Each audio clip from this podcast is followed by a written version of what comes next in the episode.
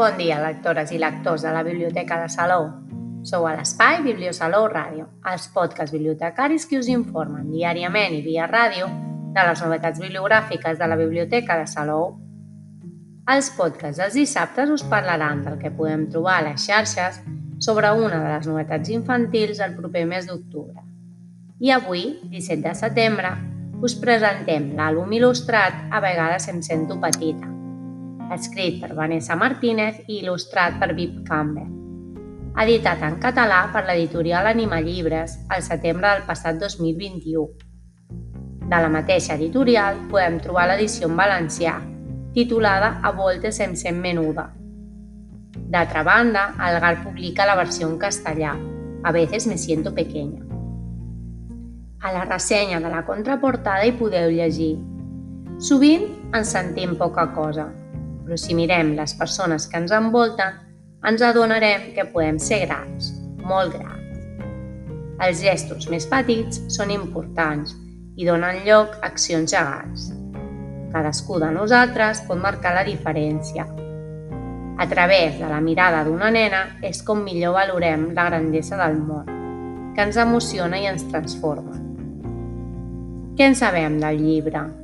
Avui li dediquem aquest espai a la proposta d'una història per a joves lectors que ens fa reflexionar sobre com és de relatiu sentir-se gran o petita i fer-nos pensar que sentir-se petita no és pas tan dolent, perquè a vegades les coses menudes són les més importants. La protagonista és una nena petita que comença el relat justament explicant com se sent quan passeja sota els arbres grans i frondosos quan seu en una enorme butaca a llegir o quan mira el cel i el veu tot estrellat i s'imagina els planetes que l'habiten.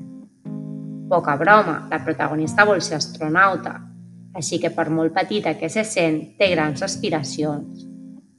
Hi ha moltes maneres de ser gran i no només es tracta de créixer per fora, també es pot ser gran creixent per dins. Així és com ens parla del Joaquim, un noi que té cura del medi ambient o del doctor Ferrer, que ajuda les persones a sentir-se bé, o de la senyora Elisenda, que dona un cop de mà al menjador social del barri.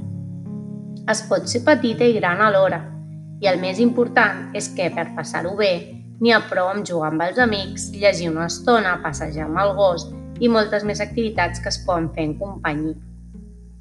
A vegades em sento petita és un llibre que permet a les famílies parlar sobre els valors, sobre les coses que ens fan sentir bé, sobre les pors i els límits mentals que nosaltres mateixos ens imposem o sobre com impli podem implicar-nos en construir una societat millor, entre altres qüestions.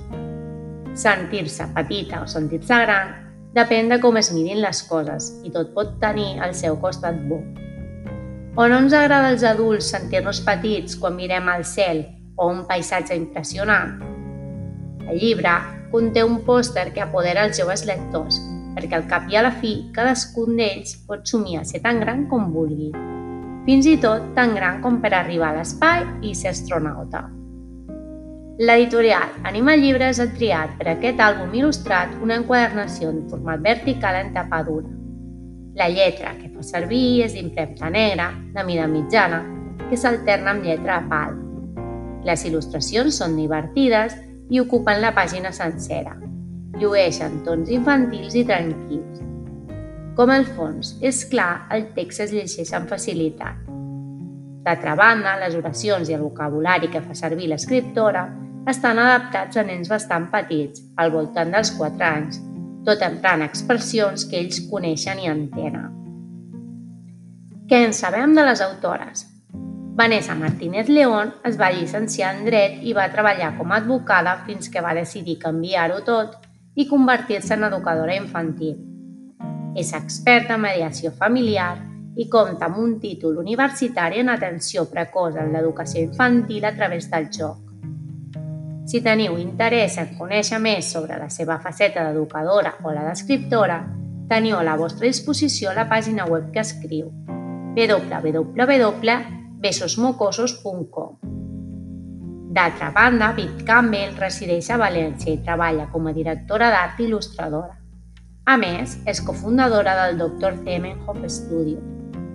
Podeu trobar-la a Instagram com a Bip Campbell Sanjurjo i també trobareu a la xarxa la seva pròpia pàgina web www.vipcampbell.es.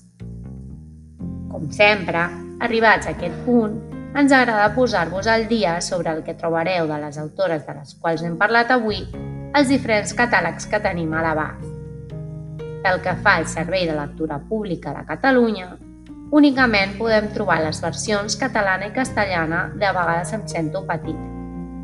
Pel que fa a Viv Campbell, a banda de l'obra que avui ens hem presentat, en trobarem dues més il·lustrades per ella, àvies, cadascuna a la seva manera, i la mare i jo n'estem fins al món. Al catàleg Atena únicament trobarem a vegades en sento petita, així com els mateixos títols il·lustrats per Viv Campbell que hem esmentat més amunt. Finalment, val a dir que si fem una cerca sobre les autores a l'eBiblio no trobarem cap resultat. I fins aquí el podcast d'avui, però tenim més novetats infantils que anirem descobrint cada dissabte. Que tingueu un bon dia, bon cap de setmana i molt bones lectures que us acompanyen en el dia a dia.